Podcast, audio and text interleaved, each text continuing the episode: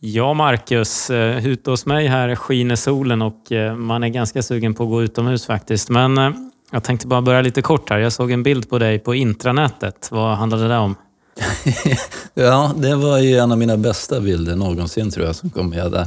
Uh, nej, men jag är ju klar som VB uh, efter sex månaders introduktion, så det är ju jättekul. Och om inte jag har läst schemat fel så jobbar vi väl tillsammans på tisdag natt, är det så? Ja, men det låter ju underbart. Jag får gratulera. Jag ville bara säga det. Ja, men tack så mycket. Tack så mycket. Det, det känns jättekul att äntligen få vara nybörjare på riktigt här. Så nu, nu ska jag göra mitt bästa för att vara det så länge som möjligt. Underbart. Men du, eh, det är inte det vi ska prata om idag, utan idag har vi lite av ett eh, specialavsnitt kan man säga. Ja, och det är din idé, så jag tänkte att du får väl ta och presentera här. Ja, men alltså, det var ju så här att förra avsnittet var ju lite mörk inledning på och, hela omvärlden är lite mörk sådär. Så nu tänkte vi att vi skulle ha ett, ett ljust avsnitt med enbart positiva inslag. Det låter ju helt fenomenalt. Jag gillar ju det. Man ska vara optimistisk och positiv. Då kommer man lite längre i vardagen. Men eh, hur ska vi göra det då? Ja, men vi har ju ett, eh, eller det finns i alla fall på SVT ett tv-program som heter Landet runt. Som gör nedslag på olika platser för att, ja, de berättar om allt möjligt egentligen. Okej. Och, eh, vi kan väl göra likadant. Vi, vi åker landet runt och eh, tar reda på och hittar några positiva saker som har hänt inom eh, vår räddningstjänstbransch. Vad tror du om det? Mycket bra. Jag har genast några som jag tänker på som jag skulle vilja ringa till. Ja, men vi börjar då. Varsågod. Slå en signal. Varmt välkomna till RIB Podcast. En podd för räddningstjänst och av räddningstjänst. Med Marcus Wallén och Johan Szymanski. Okej Johan, på eh, kaffepausen här så ringde jag upp till Sundsvall och fick tag i Tommy Lindgren. Nu ska du få höra vad han hade att säga.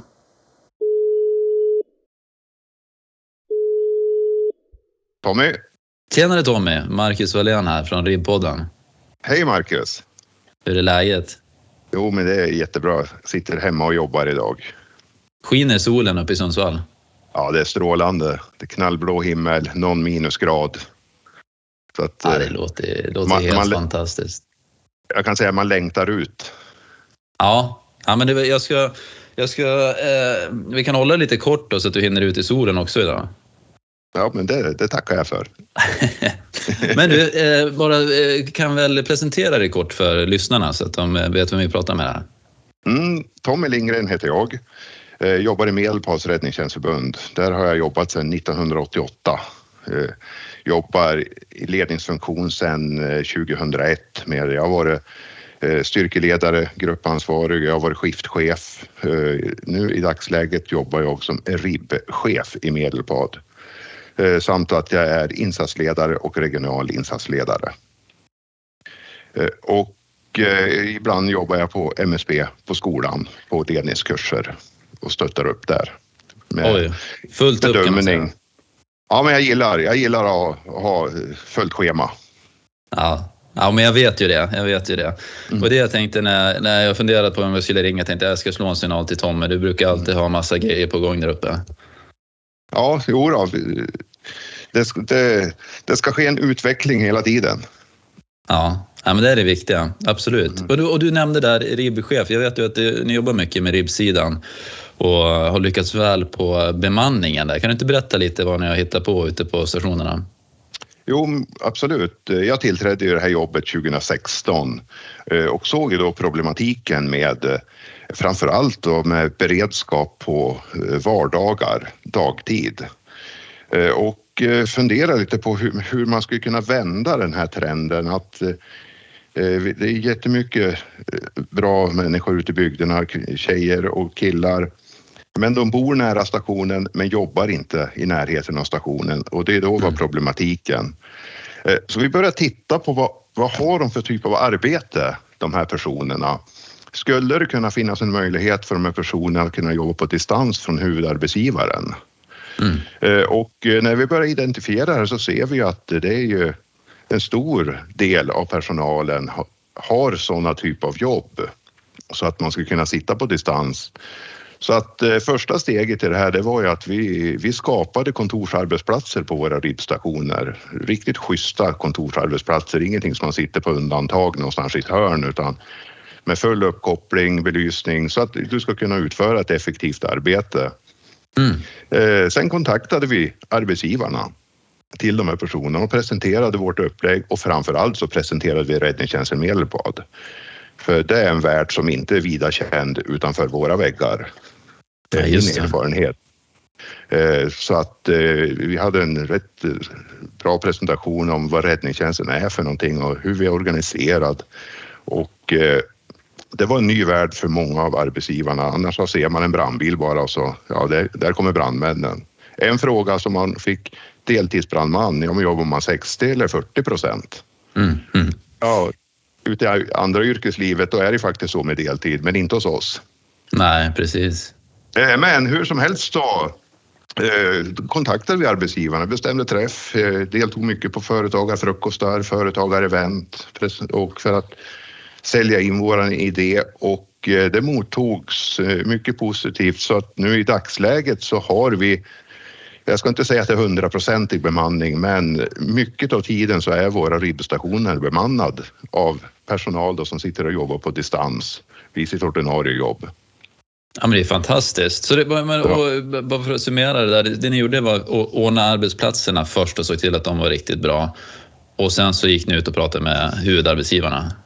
Ja, precis, för då Ja. kunde vi även presentera för huvudarbetsgivaren att, eh, att eh, det är schyssta arbetsplatser, att det finns full uppkoppling och så att vi inte vi skulle komma med något sånt i efterhand och det visar sig att det inte fungerar. Mm. Eh, Det var faktiskt så att ett av företagen hade en familjedag vid en av våra ribbstationer för att inviga sitt nya kontor.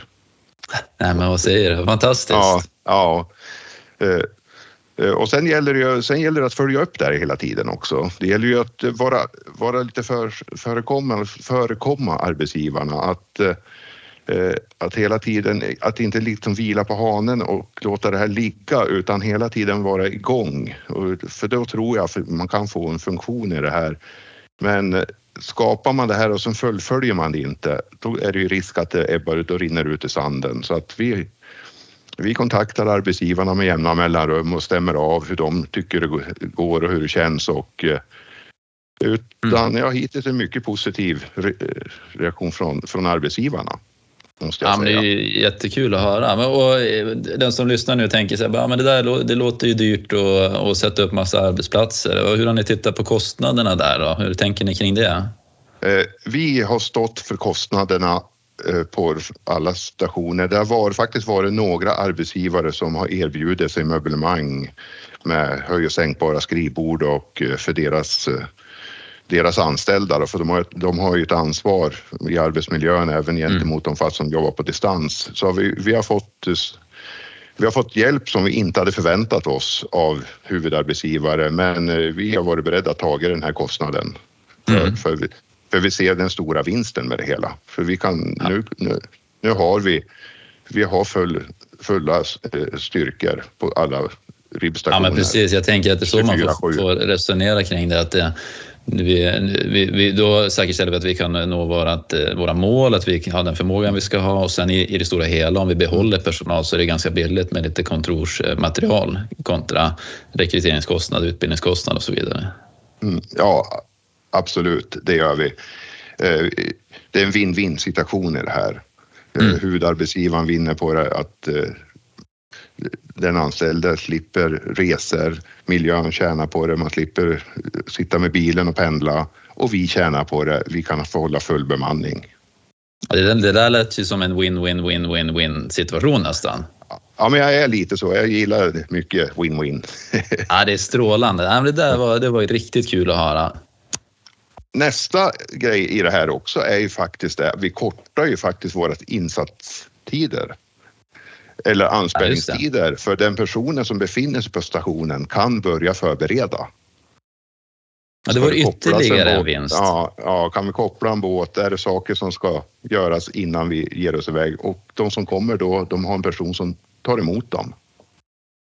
Mycket bra Tommy. Hörde, du nämnde att du var instruktör och eller bedömare på MSB också. Jag vet att du var uppe där förra veckan. Kan du berätta lite kort om eh, hur det ser ut där nu med de nya ledningsutbildningarna? Ja, men det var lite spännande. Eh, sista åren nu har jag jobbat på RLB-kursen och hjälpt till på den. Eh, och eh, nu var det inte RLB-kursen utan det var nya styrkeledarutbildningen som hade sin slutvecka. Eh, och de hade lite problem med personal på, på MSB just den här dagen. Så ringde de och frågade om jag hade möjlighet och jag hade en ledig dag så att, eh, ja men spännande, jag kan åka upp och hjälpa till. Eh, och då var det slutveckan för styrkeledarutbildningen och jag har tidigare också jobbat på slutveckor på RLA-kursen. Mm. Och det jag blev så positivt överraskad över Eh, jag måste faktiskt säga det, det var att nu eleverna nu som har genomgått styrkeledarutbildningen, eh, det kändes som att de hade kommit så pass mycket längre än vad man var när man gick slutveckan på RLA. Eh, mm. De var liksom mera mogen att kunna starta en större insats och organisera, strukturera, tidigt ha en tanke på vad ska jag ha den förstärkande enheten till? Så det måste jag verkligen det känns jättepositivt att, eh, att, eh, att det var så. Ja. Då måste man ge MSB lite cred att de har gjort en bra styrkeledarutbildning. Ja, det låter ju alldeles fantastiskt det också. Jag tror vi, vi, vi nöjer oss där, även om jag skulle gärna vilja prata mer om de där ledningsutbildningarna. Det är ju spännande när det är nya grejer på gång, tycker jag. Men eh, då har vi fått höra Dels att solen skiner i Sundsvall, sen att det ser bra ut på bemanningssidan och att det är positiva indikationer från Sandö på ledningskurs 1. Jajamän. Strålande Tommy. Tack för att du tog dig tid. Ja, mycket trevligt att prata med dig Marcus. Ja, vi hörs det. Hej på dig. Hej då.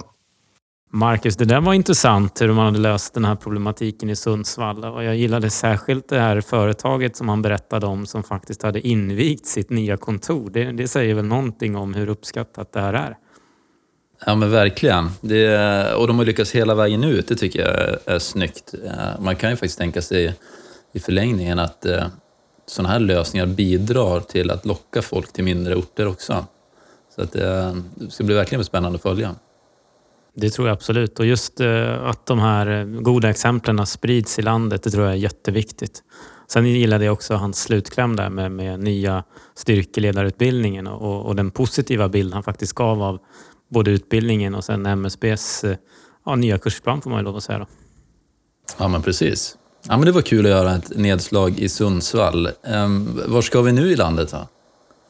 Ja, men nu har vi varit... Sundsvall är en ganska stor ort, så nu tänker jag mig att nu, nu åker vi söderut till Småland och till en av de, kanske inte minsta orterna, men, men eh, ja, en ort där nere som har ett räddningsvärn som faktiskt har gjort någonting alldeles speciellt. Så jag ska ta och ringa upp en person där. Ribb Podcast. Ja, då ska vi förflytta oss i, i vårt land till något som heter Värens räddningstjänst och Håkan Gustafsson, välkommen till podden. Tack så mycket. Och eh, Värens räddningstjänst, var, var, mer exakt i landet har vi hamnat någonstans? Eh, vi har handlat, hamnat i Småland, i Kronobergs län och Värens räddningstjänst är en organisation som eh, bedriver räddningstjänst i Alvesta respektive Växjö kommun och eh, den eh, bildades 2002, förbundet. Just det. Och eh, du sitter inte i, i någon av de större tätorterna där utan du befinner dig på en lite mindre ort som har ett räddningsvärn va? Ja, jag befinner mig två och en halv mil söder om Växjö som då ligger Grimslöv heter orten och det ligger mellan Älmhult och Växjö utmed riksväg 23. Just det. Och eh, Grimslöv där, ni har ett, ett räddningsvärn sedan ganska lång tid tillbaka. Ja, det, det var ju en deltidskår för många, många år sedan tillbaka och sen blev det ju räddningsvärn och eh, har bedrivits då ett räddningsvärn här i, ja, fram tills i somras när det blev lite förändringar här. Just det, och det är lite där vi är inne på. Ni är ju de som kanske har gått mot strömmen kan man säga. För på många ställen så, så kanske man eller drar ner beredskapen och man sparar pengar. Men, men vid midsommar förra året så hände det någonting hos er. Berätta. Eh, det har ju diskuterats rätt så länge den här biten i och med att eh, ja, vi har en hel del larm och vi har ju mycket larm, eller mycket och mycket, men vi har ju den här riksväg 23 som jag nämnde och lite folkhögskolor och sådant och eh, med elevboende. Och eh, då gick vi upp i beredskap och eh, idag har vi en person i beredskap på en fippbil respektive att vi har räddningsvärnet kvar också om man uttrycker det så. Just det, så ni har gått från, från frivillighet till, till formell beredskap helt enkelt? Ja, formell beredskap. Så vi är fem personer som delar på, på vad heter det, beredskapen då på fittbilen och sen är vi totalt elva man i värnet. Just. Och nu vet jag också att det är på gång med en helt splitterny eh, fittbil till er.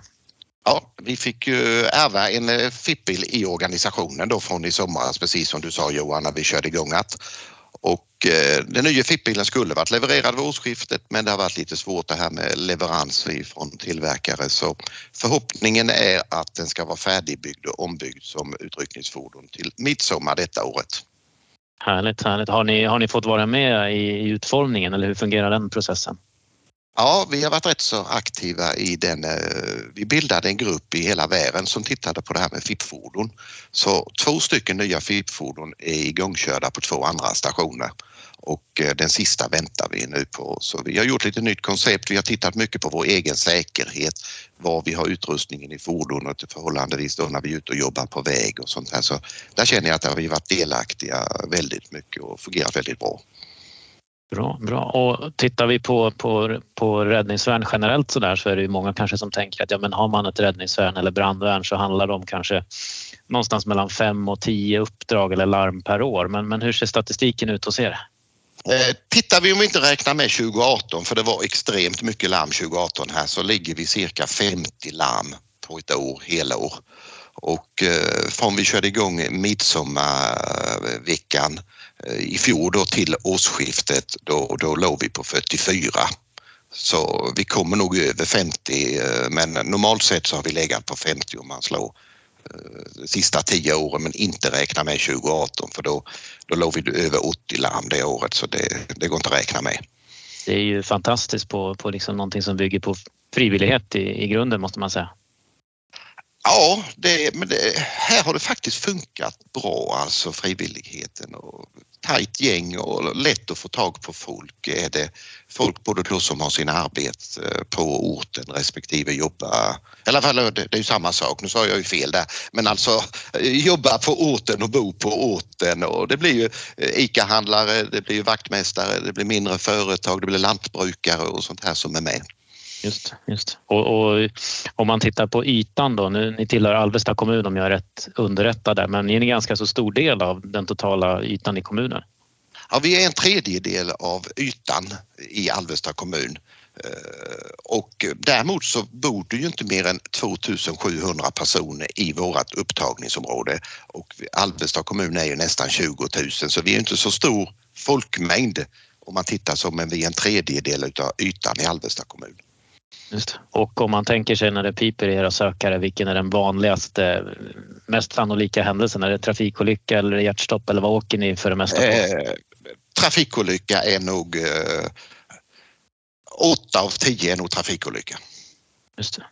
Ja men härligt, då vet vi att det finns faktiskt eh, platser i landet där man eh, går från frivillighet till att ha beredskap och dessutom nu satsa på, på nya fordon så det, det är bara att gratulera er. Och eh, när vi kommer in ändå på trafikolycka så det kanske är många som känner igen din röst Håkan för du är ju en, en ganska så välkänd figur får man väl lov att säga i Räddningstjänst Sverige som, eh, som ägare till Holmatro eh, och säljer klippverktyg. Men jag tänkte vi skulle komma in på det där som avslutning bara. Då. Vad, vad ser vi i kikaren när det gäller losstagning och, och den delen som, som du jobbar med normalt sett? Eh, det som har varit mycket aktuellt de sista åren, vi tittar de tre sista åren som har diskuterats i eh, Eh, när en annan är ute och kör både demo och utbildningar. Det är ju det här hjälpmedel mycket till säkerhetsdörrar, forcering säkerhetsdörrar i byggnader med eh, eh, hydraulverktyg och eh, det är ju egentligen polisen som började med detta. Men det har ju smittat av sig så till räddningstjänst också som använder detta som ett hjälpmedel, komplement till mekanisk brytning.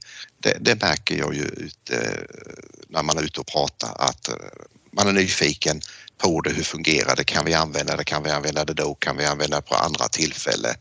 Respektive att eh, många köper det idag måste jag säga. Både stora och små räddningstjänster. Just det, och det innebär i praktiken att vi kanske kan komma ifrån den här förhållandevis tunga uppgiften att eh, banka, slå och bända eh, och istället ja. snabbt få upp en dörr och kunna påbörja livräddande rökdykning. Ja, ja. för många säger ju det att det, det är kämpigt att stå det vet jag själv. Jag har inte behövt bryta någon säkerhetsdörr skarpt på vårt värn här men när vi övar på det, det är ju viss teknik när man bryter manuellt och det är teknik med detta med men det är ju ett hjälpmedel. Mm. Ja, Fantastiskt. Du, jag känner mig jättenöjd. Tack för att vi fick eh, uppta din tid. Tack ska du ha. Och lycka till med, med nya bilen och eh, med beredskap här så får vi höras framöver. Tack Johan. Ha det bra. Tack. Detsamma. Härligt att höra det samtalet Johan.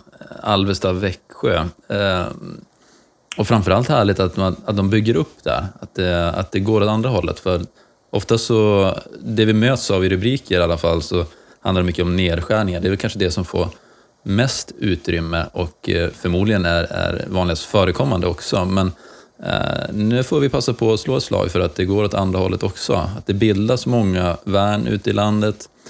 Eh, klassiska värn eller funktionsvärn och att eh, gå från värn till eh, deltid som vi ser ett exempel på här.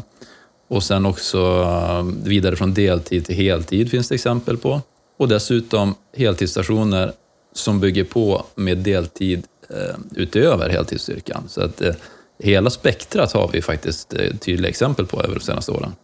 Ja, verkligen. Och eh, jag tycker att det är roligt också att, att eh, personalen på Räddningsvärnet får vara med när hela förbundet ska ta fram de nya FIP-bilarna och sådär. Det, det, visar ju verkligen att man har en inkluderande process. Mm. Ja, men då, det här är ju som det ska vara och det är ju så som det, det måste vara. Om man tittar så historiskt sett så har det varit motsättningar och det har varit heltiden eh, kontra gniststamparna. Men den tiden är ju definitivt förbi. Nu gör vi det här tillsammans. Vi förstår vikten av att alla är med, inkluderade och att vi är ett, eh, ett enat räddningssverige. Mm, verkligen.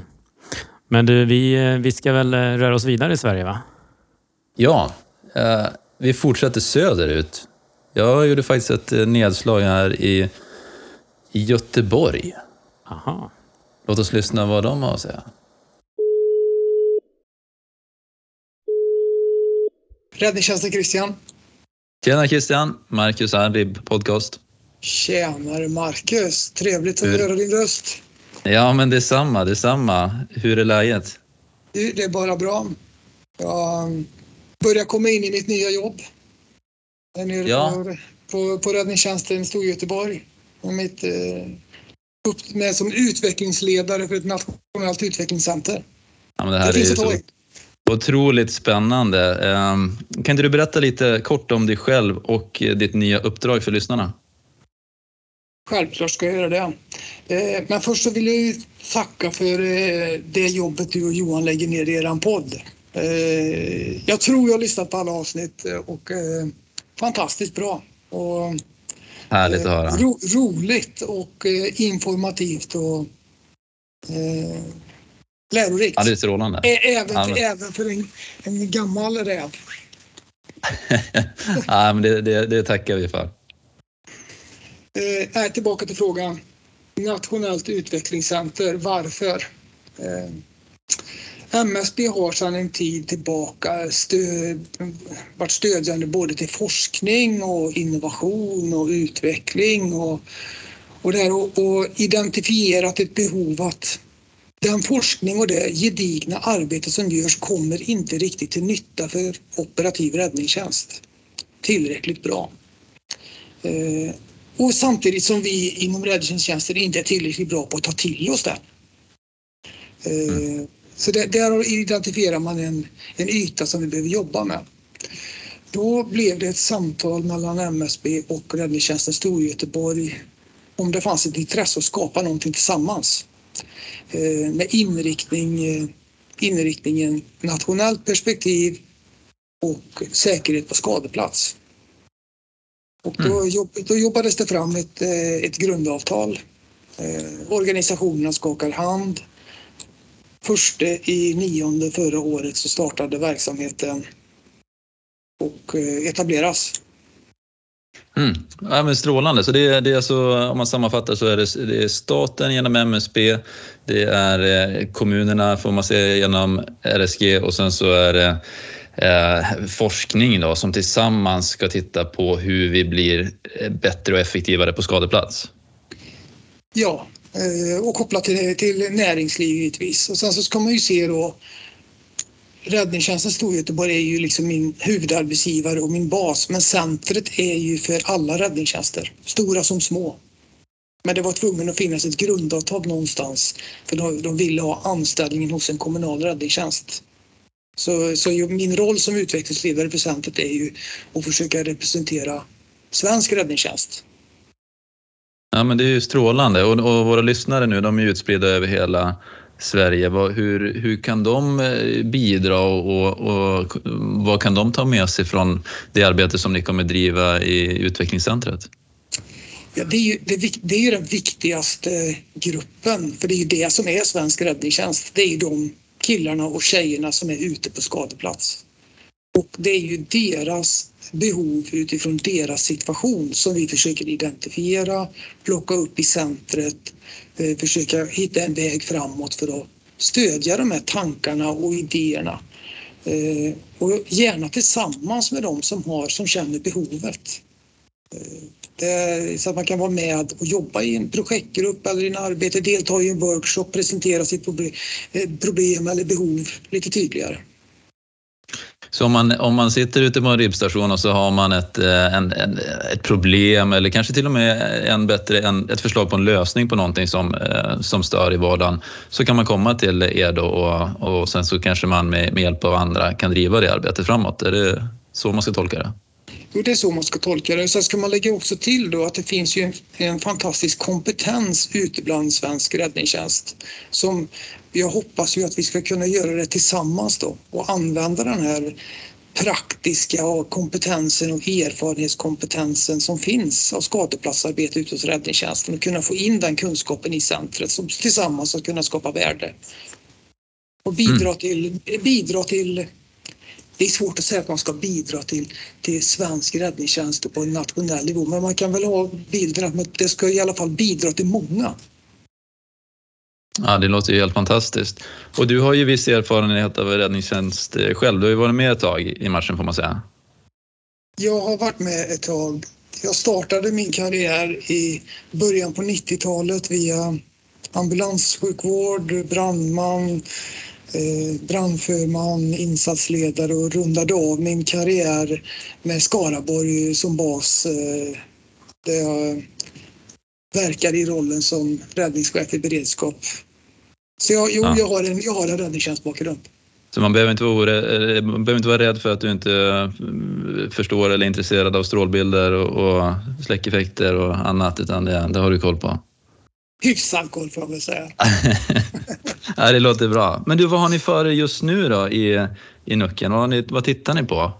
Tittar vi på små saker och stora saker men en, en idé, om man ska ta en idé då som kommer från, från verksamheten så är det en, en brandman som tyckte så här att vi borde kunna öva varm rökdykning på ett annat sätt än att eh, elda i containrar med gasol eller dieselverk eller annat. Vi borde kunna öva det fler gånger. Eh, värmeträning helt enkelt. Det blev ett projekt, eh, den här idén blev ett projekt eh, Heatsim kallar vi det för. Eh, vi tittar på om man kan eh, någon typ av underställ som alstrar värme eller ackumulerar värme kan skapa samma förutsättningar som AFSen kräver för varm rökdykning. Det är någonting som mm. alla brandmän gör två gånger om året. Eh, mm. Och skulle man då kunna genom att Eh, kan man få samma förutsättningar, samma värme, samma belastning, då skulle man kunna göra detta i ren miljö, i andra övningsmiljöer flera gånger om året på ett ganska enkelt sätt. Eh, det här är, eh, det här är ju liksom en, ett, ett test. Det är som en testvärld. Vi testar om förutsättningarna ens finns. Ser vi att förutsättningarna finns, då kommer vi liksom känna av svensk räddningstjänst. Finns intresse att gå vidare? Kan man utveckla underställ eller kläder eller något annat? Det finns ett intresse. Så där, Det kommer en mm. liten, en eh, liten rapport eller en liten filmsnutt eller något liknande framåt vårkanten om detta. Ja, men det ser vi fram emot. Jag gillar verkligen konceptet för vi vet ju att det finns gott om tankar och idéer och kreativa lösningar runt om i Sverige men, men ganska ofta så fastnar det på att man kanske inte har tid eller möjlighet eh, att, att driva det vidare. Så att eh, det här tror jag stenhårt på, att vi, att vi nationellt samlar oss och, och alla bidrar genom en en, eh, ja, en, en, någon form av central organisation som, som eh, ni utgör här som, som samlar ihop och, och stöttar. Det, det här tror jag kan bli kanon och det, det är ju rätt man på rätt plats. Du är ju skapligt eh, utvecklingsbenägen får jag säga, jag som har jobbat med dig tidigare. Nej, jag kan bara hålla med. Det, det, det finns inga dåliga idéer. Det, det, är bara att mottagaren måste vara mottaglig för det. Ja. Um, annars så tittar vi stort och smått. Jag måste säga att körsimulatorer är någonting. Utryckningskörning. Jag vet ni har haft ett program om det, en podd om det. Eh, risker. Eh, en farligt moment. Mm. Eh, det kommer nu körsimulatorer, digitala hjälpmedel för att kunna öva detta, eh, pröva.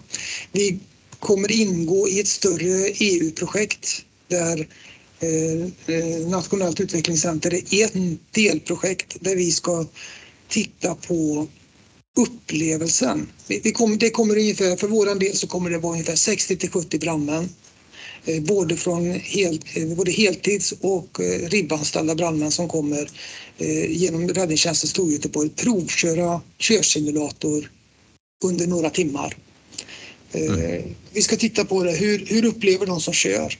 Hur, hur upplever instruktörer eller pedagoger att får man känslan av att det blir bättre? Körskolor har ju haft fantastiska resultat genom att kunna mängdträna sånt här. Eh, så det ska vi testa nu under eh, hösten. Och eh, det startar i september i själva projektet och, och jag tror att det kan bli, kan bli liksom en bra liten guideline om man är intresserad av körsimulatorer. Jag hör ju att det är mycket på gång. Och hur gör man för att följa ert arbete då? Är det, du har ingen egen podd än va? Men, men hur, hur hänger man på? Jag har ingen på den, men eh, som, det, som det är nu så försöker vi, jag ska, vi ska försöka vara aktiva på eh, sociala medier. Det finns ju massor med grupper runt räddningstjänst, eh, Facebookgrupper. Eh, vi, kom, vi, vi, har en egen hemsida kopplad till eh, Räddningstjänst Storgöteborgs sida där vi ska lägga upp det vi håller på med. Vi ska försöka bygga upp en plattform där vi gör små korta filmer, intervjuer med projektledare, med projektmedlemmar som talar om vad de gör. Just för att vi vill ju inte vänta med att tala om tills det någonting är färdigt. Vi vill ju tala om att vi ska börja med någonting för att kunna få tidiga inspel eller fler som är intresserade och kanske vill vara med. Eller kanske det är så att det här har vi redan prövat. Ta med våra erfarenheter i detta. Ja, det låter alldeles strålande. Så att om man eh, är nyfiken så får man hålla utkik eh, på sociala medier eller titta in på eh, hemsidan på RSG. Där finns väl kontaktuppgifter till dig åtminstone så får man väl höra av sig och, och spela in sin idé då. Absolut, det, det tycker jag. Jättebra Christian. Jag ska tacka för att du tog dig tid att vara med i podden och så hörs vi mer framöver. Det gör vi. Sköt om dig Marcus. Ha det gott. Hej. Hej. Ja, Marcus, vad roligt att höra att eh, utvecklingen går framåt och just den här frågan är faktiskt någonting som jag har haft som incitament för förstatligande av räddningstjänsten. Men, men det vore ju fantastiskt nu eh, om vi kan få den här typen av utveckling eh, trots att vi är olika kommunala räddningstjänster med, med helt olika förutsättningar. Ja, jag tror ju återigen liksom den här nationella sammanhållningen. Vi gör bra grejer lokalt, men vi måste sprida det och utveckla det nationellt. Så det, det, det tror jag stenhårt på. Det ska bli riktigt kul att, att följa. Eh, jag har en fråga till dig där Johan. Mm. Om du skulle spela in någonting till det utvecklingscentret, vad skulle det vara? Oj. ja du, jag har nog inget så här bara på, på rak arm att slänga in tror jag inte. Utan, eh, jag får nog fundera lite på det. ja, du får återkomma. Absolut. Ribb podcast. Vad bär det av nu då? Ja, nu, vi är ju redan på, på västra sidan om Sverige så jag tänker att vi, vi fortsätter där men tar oss norrut igen. Och närmare bestämt till, till Värmland. Spännande. Låt höra. Ja, då ska vi förflytta oss eh, i vårt avlånga land och med på tråden har jag en, en, en välkänd figur i Räddningstjänst Sverige. Nils Wesslin, välkommen till podden. Tack för det Johan. Eh, väldigt, väldigt trevligt att få bli inbjuden till denna trevliga podd som, som jag faktiskt brukar lyssna på så att man känner sig ordentligt uppdaterad här i Räddningstjänst Sverige. Härligt. Du kan väl börja med att berätta lite kort. Vem är du och var har vi hamnat någonstans? Nu har ni hamnat på räddningstjänsten Karlstadregionen eh, och eh, som sagt Nils Westlin heter jag och jag är ju förbundsdirektör och räddningschef här. Eh, och eh, jag har ju, firar ju 40-årsjubileum i år eh, har jobbat i svensk räddningstjänst väldigt, väldigt länge. Eh, ja, jag har varit räddningschef sedan 2012 då, eh, så nu firar jag 10-årsjubileum på det också.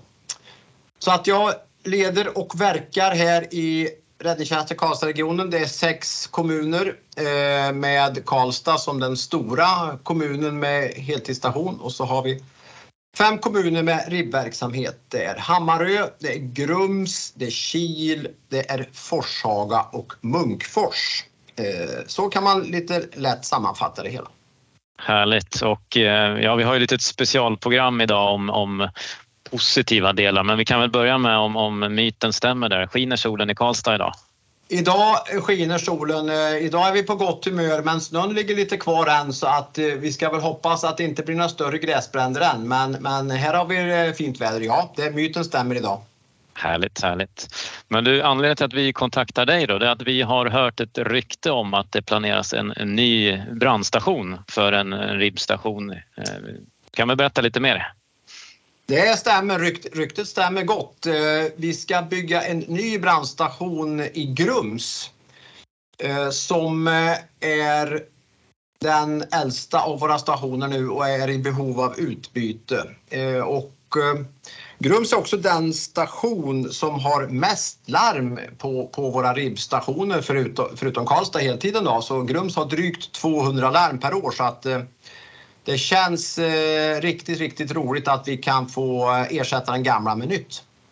Härligt och jag, jag tänker också att eh, vi har ju pratat lite rekryteringsproblematik tidigare men det här måste ju vara en fantastisk förutsättning för att rekrytera ännu fler deltidsanställda brandmän till, till Grums i det här fallet.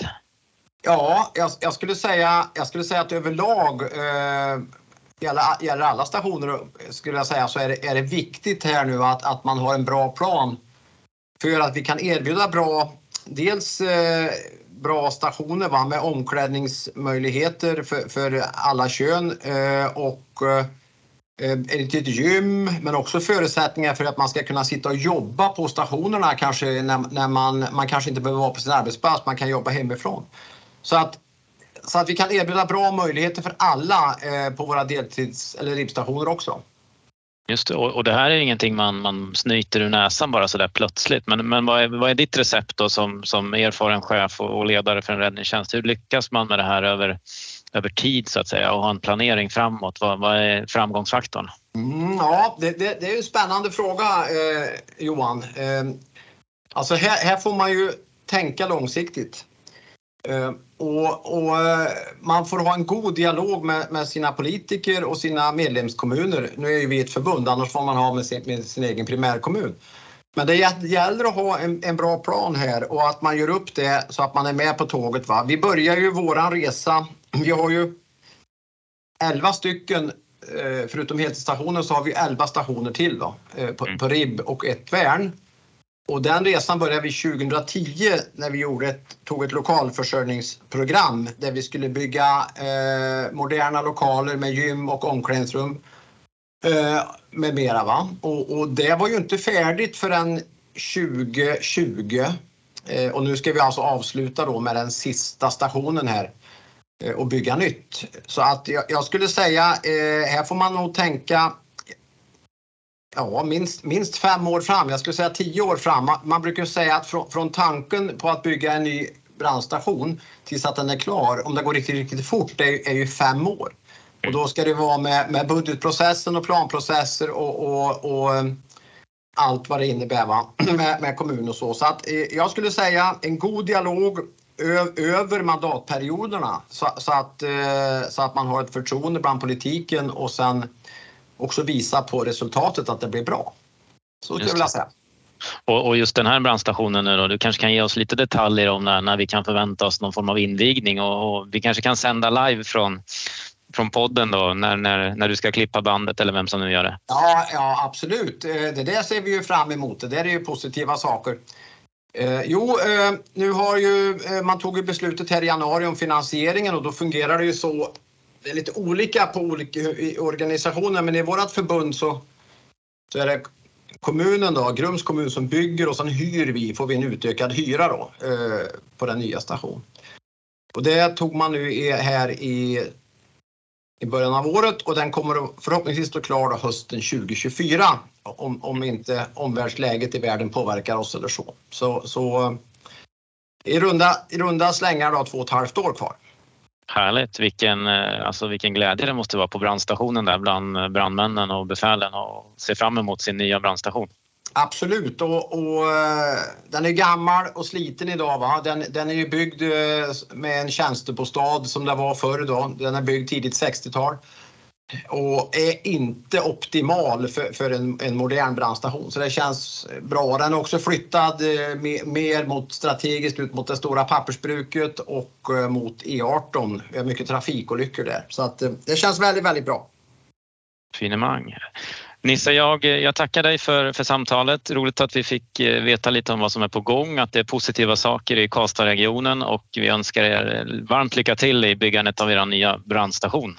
Ja, jag tackar så mycket och välkommen tillbaks då någon gång hösten 2024 så tar vi det live. Tack så mycket. Fantastiskt, tack så du Jag har eh, inget inplanerat då, ser jag här i kalendern. Så eh, jag skriver in det nu då, Johan. Ja, fantastiskt, det ska bli roligt. Jag, jag kan boka tåg. Hösten 2024, eh, oktober, september, oktober där någonstans. Då. Du bokar tåg och sen så kör vi livepodd då. Ja, men det är lysande. Tänk vad våra lyssnare har att se fram emot. ja, verkligen. Nej, men det var härligt att höra. Eh, bra fart i Karlstadregionen där. Det är ju bara på andra sidan sjön härifrån, så att det, det är ju relativt nära. Kul! Fyra nedslag har vi gjort. Ska vi, bara, ska vi nöja oss där för den här gången, eller vad tror du? Ja, men det tycker jag. Jag tycker att vi har lyckats ringa in ett antal positiva delar inom svensk räddningstjänst och jag hoppas att det här har spridit ett, ett, eh, en känsla av faktiskt att det, det, finns hopp och tillförsikt för framtiden. Ja, ja, men det är jag helt övertygad om. Det är mycket på gång på den positiva sidan. Bra, ja, men då, då nöjer vi oss där så får vi se ifall, eh, vad vi får för dom av lyssnarna om det blir ett återkommande inslag här eller vad som händer framöver. Du, det tycker jag. Fantastiskt. Du får ha en, eh, en fin dag och fortsättning på den här lördagen. Detsamma. Vi hörs. Hej, hej. Hej. Du har lyssnat på RIB Podcast, en podd för räddningstjänst och av räddningstjänst med Marcus Wallén och Johan Szymanski. Producerad av Timmy Selin, grafik Adam Dahlstedt.